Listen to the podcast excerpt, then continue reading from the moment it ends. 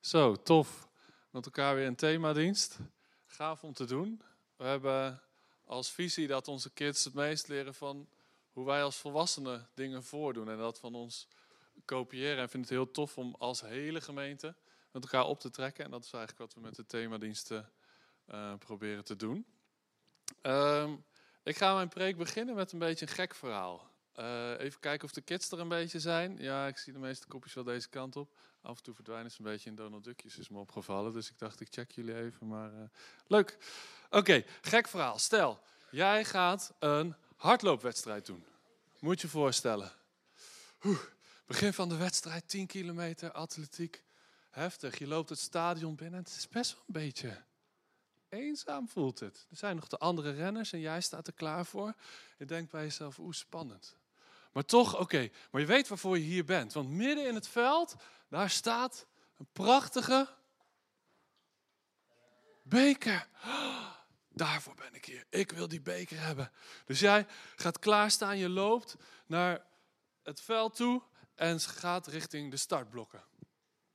Oké, nou, uh, eerste hand op het asfalt, andere hand. Je gaat je rechtervoet in het blok zetten, het andere voet in het blok en je rugzak valt zo vloep voor je ogen. Oh nee, even die rugzak naar achteren. Kom op, rugzak. En net op tijd, want het startschot klinkt. Pam! Rennen. Iedereen peert hem. Keihard. En die andere renners, die rennen hard. Volgen netjes die witte lijnen zo naar voren. Het lijkt wel alsof ze getraind hebben of zo, weet je wel. Dat je denkt, zo. En jij rent er achteraan en je denkt, ja, maar ik weet waarvoor ik hier ben. Dus je begint te rennen richting waarvoor je, waarvoor je bent. En je pakt de beker. Woehoe! Huh? Dat is een beetje gek, hè? Wat, wat, wat was er allemaal gek? Wie kan eens wat dingen roepen die gek waren? Hij zat achteraan, ja. Hij had een rugzak. Waarom heeft hij een rugzak op tijdens het hardlopen? Klinkt als niet handig. Wat is er nog meer gek? Ja, hij rent in één keer naar de beker toe. Zo werkt dat niet hè, in een wedstrijd. Je moet eerst rennen en dan krijg je pas de beker. Mits je de snelste bent. Anders krijg je misschien een, uh, hoe noem je dat ook weer? Een uh, troostprijs, een uh, spek- en bonenprijs. Leuk dat je mee hebt gedaan, prijs. Ja, dus nou, er gingen best wel wat dingen mis hè, in het verhaal. Vandaag gaan we het hebben over gebed. En gebed, wat, wat is bidden als je het heel simpel zou moeten zeggen? Praten met God. Zo simpel is het. Praten met God. Praten met God is niet moeilijk. We kunnen allemaal praten. Dus praten is uh, niet zo'n kunst. En toch vinden we het vaak moeilijk om dat te blijven doen. Net zoals in een hardloopwedstrijd. Het is best lastig om het vol te blijven houden. Door te blijven gaan. En niet zomaar in één keer naar de prijs te willen rennen, maar vol te houden in de wedstrijd. En in de Bijbel, in Hebreeën 12, staat daar een mooi verhaal over. Over ook een hardloopwedstrijd. Laten we eens lezen. Uh, daar kunnen we een hoop van leren. En kinderen, let op. Er zitten wat lastige stukjes in die tekst, maar we gaan het ook uitleggen, oké? Dus hou, hou even vol. Alright, komt de tekst. Nu we door zo'n menigte geloofsgetuigen omringd zijn, dus zo'n menigte mensen die ook gelovig zijn. In het verhaal dachten we, we zijn alleen in het stadion, maar je bent niet alleen. Kijk eens om je heen. Allemaal christelijke mensen. Moeten we ook elke last van ons afwerpen, evenals die zonde waarin we verstrikt zijn. Niet met de rugzak rennen. En vastberaden de wedstrijd lopen die voor ons ligt. Laten we daarbij ons blik gericht houden op Jezus de grondlegger en voltooier van ons geloof. Met de vreugde voor ogen die voor hem in het verschiet lag, heeft hij het kruis verdragen en de schande ervan aanvaard. En heeft hij zijn plaats ingenomen aan de rechterzijde, aan de troon van God. Laat tot u doordringen hoe hij stand hield toen zondaars zich zo tegen hem verzetten, opdat u de moed niet verliest en het opgeeft. Oké, dat is een verhaal van de wedstrijd hoe het wel hoort, met nog een aantal moeilijke zaken ertussen. Er zijn drie dingen die we hiervan kunnen leren. Althans, er zijn een heleboel dingen die we hiervan kunnen leren. En ik heb er drie uitgepikt, want dan houdt het een beetje behapbaar ook voor jullie kids. Drie dingen. Kijk, daar staan ze. Ik zal ze een beetje verder uitleggen. Als eerste, um, Leven zoals Jezus, als volgeling van Jezus, als je Jezus zegt te volgen, kan best wel voelen als een zware wedstrijd. Als een strijd. Wie vindt het lastig om Jezus te volgen? Zegt, ik wel eens moeite mee? Best wel veel mensen, hè? Het is niet per se altijd makkelijk. En daar is de Bijbel ook eerlijk over. Jezus volgen thuis, op school, op werk of waar dan ook. Dat is, kan pittig zijn, kan voelen als een wedstrijd. En dat mag. Weet, staat er hier ook, die menigte geloofsgetuigen, weet je nog dat moeilijke woord? Er zijn allemaal mensen om je heen. En God is om je heen en de engelen zijn met je. Dus je bent niet alleen.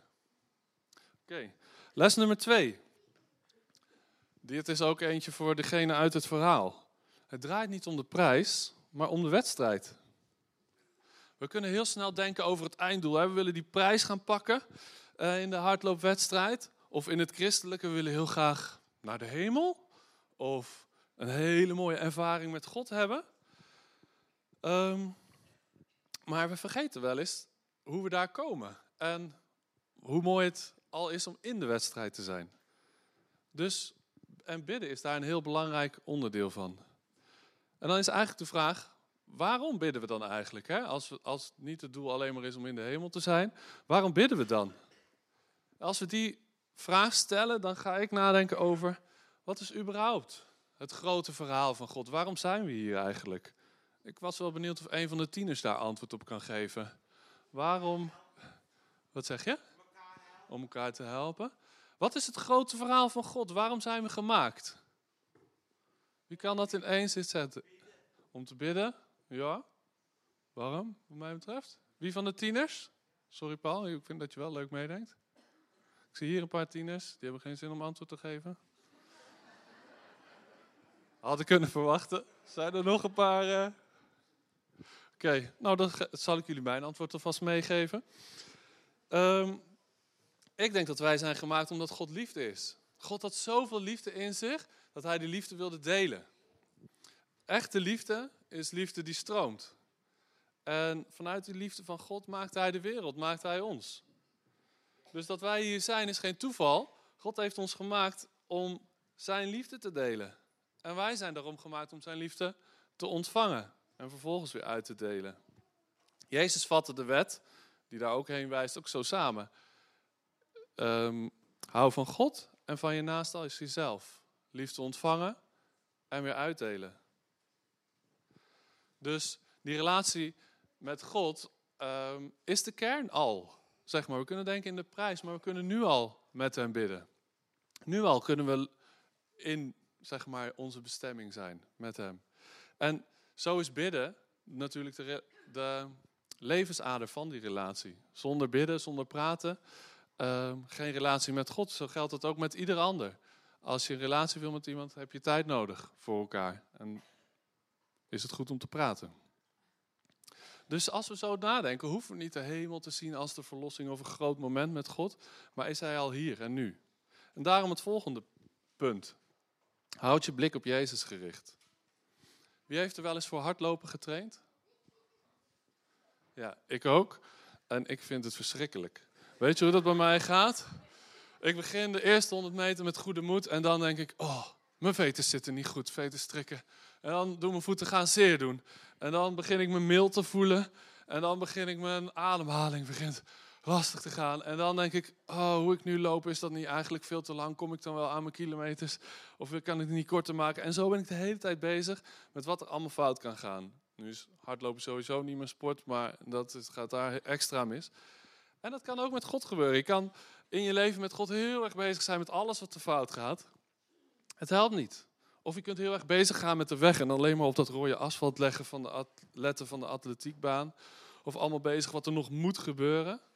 Of wat dacht je, dit is even een bonusles voor ook de tieners en ook de rest van de wereld. Van deze apparaatjes. Afleiding. Afleiding um, is tegenwoordig erg een ding. Hierin wordt zoveel kennis gestopt om mensen zoveel mogelijk hier naartoe te slurpen. En het leidt ons af. Het leidt ons af van God. En de Bijbel zegt, hé, hey, waar draait het je allemaal om? Om Jezus? Kijk naar Jezus. Kijk naar hoe hij naar jou kijkt. En hoe hij vol van liefde uh, zijn leven leidde. Terwijl mensen het hem moeilijk maakten. Houd vol. En om dat volhouden even goed te herinneren, speciaal voor de kinderen, want ik zie er al een paar die aan het eindje van hun concentratieboog zitten. Um, gaan de kinderen even uh, mogen zo naar achteren, daar bij Pauline, denk ik. Ja, ze zit nog daar, maar ze gaat daarheen. Om even een sjaaltje te maken voor jezelf.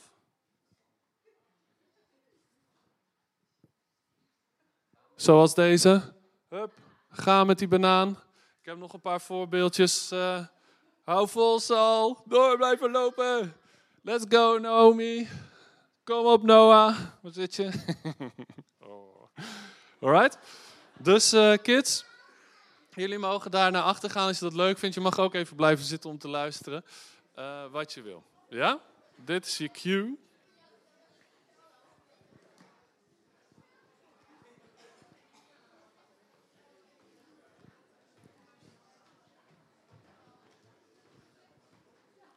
Kom op, kids. Jullie kunnen het. Hou vol. Ga door. Blijven lopen. Ook al is het awkward met al die volwassenen. Alright.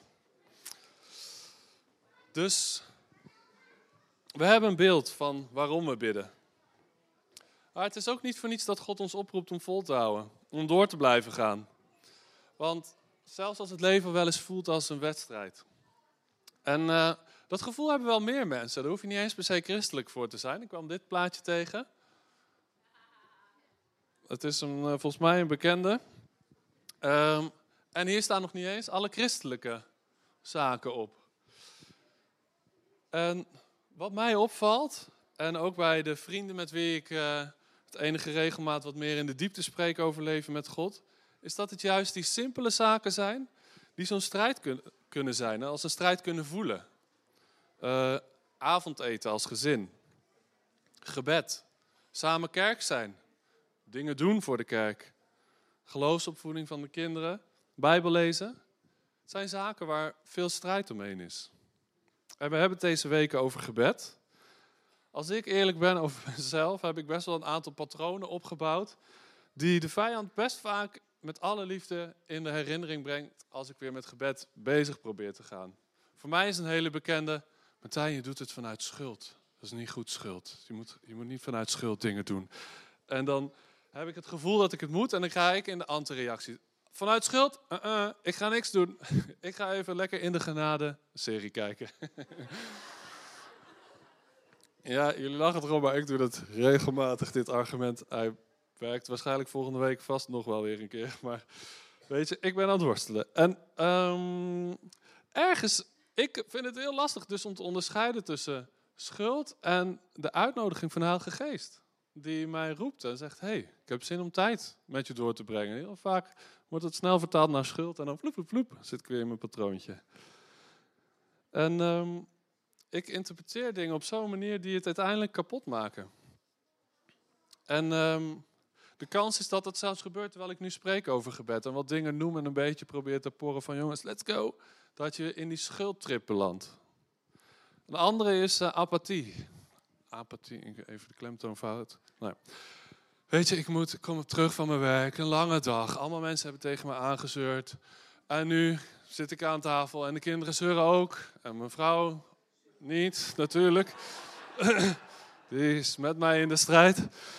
En het enige wat ik kan opbrengen is de imitatie van een grote aardappel. Aan het eind van de dag. Ah. Oké, het is een strijd dus om gebed en andere kleine maar superkrachtige dingen van God vorm te komen. Maar hoe komen we er? Wel, gedrag vraagt dat eigenlijk van ons. En daar is een antwoord op. Maar het is een beetje een vies beladen woord. Dus ik twijfel het of ik het moet uh, brengen. Sommige mensen krijgen de koude rillingen van in onze post-Calvinistische cultuur. Dus niet schrikken. Oké, komt-ie? Discipline. Oké, pittig, sorry. Als het helpt kun je het ook andere woorden nemen. Misschien routine cultiveren. Doet het tegenwoordig ook goed in de christelijke wereld. Uh, goede gewoontes inbouwen. Voelt al ietsie beter. De verpakking, dat is 80 procent. Um, weet je, ja, we kunnen het heel ingewikkeld maken, maar de basis is simpel. Het helpt om gebed regelmatig in te plannen in je leven en te gaan doen. De wijsheid van 2000 jaar christenen voor ons, die leert ons dat gewoontes helpen. Dat discipline, regelmaat ervoor zorgt dat die strijd wat minder doet, want het is een gewoonte geworden. En als we kijken naar het allerbeste voorbeeld die we hebben, Jezus zelf, zijn levensstijl, zijn houding, zien we hetzelfde. Gebed was duidelijk een ritme wat hij in zijn leven had aangebracht. Dus lukt het jou om de schuld, de apathie achter je te laten en ruimte te maken voor gebed? Ja, en omdat er strijd omheen is, voelt het ook soms als een strijd. Dus, en daar hoort vallen en opstaan bij. Ik moet zeggen dat terwijl ik dit spreek, weet ik van mijn eigen ervaring dat ik het continu probeer. En het lukt, mislukt weer en weer proberen en weer mislukken. Gewoon doorgaan is wat ik hoop dat helpt. Ik heb geen zin meer om in die schuld te gaan hangen of als de aardappel op de bank te hangen. Um, soms wel, maar hè, dat het niet mijn leidende factor wordt. En um, het gaat niet zozeer over het doel wederom. Het gaat over de route. Welke kant ga je op met jouw vallen en opstaan? Hou je vol daarin. En een van de dingen die Jezus daarin ook voor leeft, is om dat samen te doen. Met anderen. Hij trok met anderen op. Relatiegericht discipelschap, we hebben het veel over. Samen kom je verder. Dus wat zou voor jou een stap kunnen zijn? Een haalbare stap in de richting van een gebedsleven zoals Jezus die had. En ehm, hoe kun je daarin volhouden? Wat helpt daarin voor jou? Wat is realistisch? En een vraag is ook wel met wie kun je die stap maken? Voor de ouders, de komende tijd gaan we hier met de kids over in gesprek. We willen hen wat haakjes meegeven om daar ook zelf vorm aan te geven in hun leven. Ehm, en het helpt heel erg als jullie die haakjes ook oppakken uh, thuis. Dus dat is een vraag. Uh, ik heb eigenlijk twee vragen aan jullie. Um, de eerste is eigenlijk vrij simpel. Wil je je gebedsleven hardop voorleven aan je kids? We hebben best wel de neiging om zelf stil te bidden. Terwijl onze kinderen zijn kleine kopieermachines. Die doen jou veel meer na dan al die vrome dingen die je voorneemt. Het gezinsgebed en allemaal, hè, althans nou ja, laat ik het zo zeggen. Het draait niet zozeer om de vorm, het draait om het voorbeeld wat je geeft in eerste instantie. Dus de vraag is, doe dat wat meer hardop. Althans, dat is een tip die ik laatst heb gehoord en ik dacht, dat is een goede om mee te geven. Uh, want je maakt je gebedsleven toegankelijk en ze begrijpen veel meer van wat je doet dan wat je zegt. En een andere is, zouden jullie met ons op zoek willen gaan naar vormen om met de kids samen te bidden? Um, we gaan de kids een heleboel vormen aanbieden de komende tijd. Fijn als jullie ze willen uitproberen, feedback geven uh, en er thuis mee aan de slag willen. Oké. Dus tijd nemen om te bidden. Um, er zijn ook allerlei vormen om te bidden. Daar gaan we zo mee aan de slag. Um, sterker nog, dat ga ik jullie nu uitleggen. ja. dit even te denken. Ik denk dat het goed is om daarbij stil te staan van... hey, hoe zou ik uh, hier een stap in willen maken? Ligt er, ligt er een vorm waar God me voor oproept, toe oproept? En um, ik zou jullie willen vragen om dat mee te nemen. Want ik ga jullie zo een paar punten uitleggen. We gaan in gebed met elkaar. Uh, in verschillende vormen die ook voor de kids toegankelijk zijn. Uh, maar neem deze vraag ook mee. Hey, heer, wat, wat kan een stap zijn om dit nog iets meer in mijn leven vorm te geven? Om iets meer die, richting die, dat enge woord van discipline te gaan. Om uh, ritme in te bouwen voor mezelf.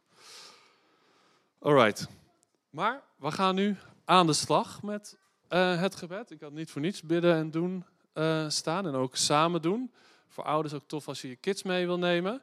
Kids, jullie zijn nog met de sjaaltjes bezig, maar je mogen heel even ook mee luisteren. Dan ga ik even uitleggen wat je kunt doen. Ja, ik heb iemand gezien die had hem al af, hè? Cool. Ja, wil je hem zo laten zien? Ga ik eerst de uitleg doen en dan mag jij iedereen aanmoedigen met de sjaal. Vind je dat een leuk idee? Oké, cool. Kom zo. Alright, we hebben een aantal plekken, tien stuks, waar je in gebed kunt gaan. Um, de volgorde die daar staat, die klopt niet helemaal meer, maar dan heb je wel een soort van geheugensteun aan uh, welke dingen er ook weer waren. Je kunt daar ongeveer, het is aan de, achter het gordijn, aan de slag met bellenblaas. Um, Als je iets hebt gedaan wat niet oké was en je wilt sorry zeggen tegen God, dan kun je het wegblazen in die bubbels. Of juist als je ergens heel dankbaar voor bent. Dan daar op de tafels ligt een handgebed. Dan kun je bidden aan de hand van een handknutselwerkje. Je kunt bidden voor de wereld. Ik had al iemand gezien die de wereldbol gevonden had bij de poeltafel. Um, bid voor de wereld. Liggen specifieke landen of bid voor wat je op je hart hebt. Maar bid samen voor wat er gebeurt in de wereld. Er is veel. Ligt daar ook een schaal met water? God wil ons reinigen, schoonmaken. Um, en je mag biddend om vergeving je handen wassen. Als je dan hierachter, een beetje bij de beamer daar, ligt een parel. Lees over het ontstaan van de parel. Je bent waardevol in Gods ogen. Je kan hem daarvoor danken. Dan iets verder daarachter in ons, wat normaal ook al wel een beetje de chillplek is, daar liggen wat kussens. En de Bijbel staat vol met teksten over rust vinden bij God. Dus ga lekker zitten, liggen, doe je ogen dicht en ontvang wat God voor je heeft. Iets verderop vind je een spiegel. Je mag kijken naar jezelf en God danken hoe Hij jou gemaakt heeft. En hem vragen om jou te helpen om met zijn ogen naar jou te kijken. Dan ligt daar, misschien hebben jullie hem al gezien, heel mooi juk. Ouderwets juk, wat is dat ook weer een juk? Nou, het ligt daar, kun je het zien. Zijn jukken zacht. Er liggen stenen bij en je kan in gebed een steen pakken en in die emmer leggen en zeggen, Heer, ik wil hè, die rugzak die we op hadden bij de wedloop uh, afleggen en in die emmer doen. Je mag bij het kruis bidden um, en nadenken over wat Jezus voor je heeft gedaan en zijn vergeving ontvangen. En als laatste kun je ook nog op de beamer kijken naar prachtige beelden uit de natuur en je laten overweldigen hoe God daar doorheen spreekt. Dus tien vormen. Uh, de vraag aan jullie is om straks, als we daarmee klaar te zijn, terug te komen in de kaal. De cue is dat de, het aanbiddingsteam begint te zingen. Ja, dus dan, als ze beginnen te zingen, vragen we jullie om terug te komen en op de gele rij uh, ringen te komen staan dan sluiten we in gebed ook met elkaar af. Vergeet ik nog iets te zeggen? Oh ja. En uh, voel je vrij om te wisselen. Dus je mag nu naar een straks, naar, als ik gebeden heb, naar een station gaan. Uh, als je merkt, hé, hey, ik ben klaar, mag je naar de volgende gaan. Je mag ook de hele tijd bij eentje blijven hangen. Kijk wat werkt. Ik zou het graag in gebed willen starten en dan jullie vragen om daarheen te gaan. Right, Vader, dank u wel voor deze ochtend. Heer. Heer, dank u wel dat we mogen nadenken over, eigenlijk over uw plan met ons. Om in relatie met u te staan en in relatie met u ons leven te leiden. Heer, en hoe mooi dat ook is, we zijn nog gewoon midden in de strijd om daar straks volledig te zijn. Heer, maar dank u wel dat we dat nu al mogen ervaren. Dat er niks is wat ons tegenhoudt om met u te mogen spreken. Heer, en wilt u ons helpen om alles wat aan ons plakt, wat ons bagage oplevert. Die rugzak tijdens het rennen, om die af te leggen. En ehm, ja, tijd met u en bidden uh, regelmatig in ons leven terug te laten komen. Heer, en als we nu wat vormen gaan uitproberen, dan spreek ik gewoon uw zegen daarover uit. Wilt u spreken? Uh, wilt u mensen hele mooie tools geven om zelf gebed vorm te geven? Zelf of met hun kids? En... Uh, ja, wilt u ons zo leiden in gebed? vraag ik in Jezus' naam. Amen. Alright, jullie mogen staan en uh, richting een van de stations gaan. Pik eventueel nog je kinderen bij de tafel op en uh, ik wens jullie veel zegen.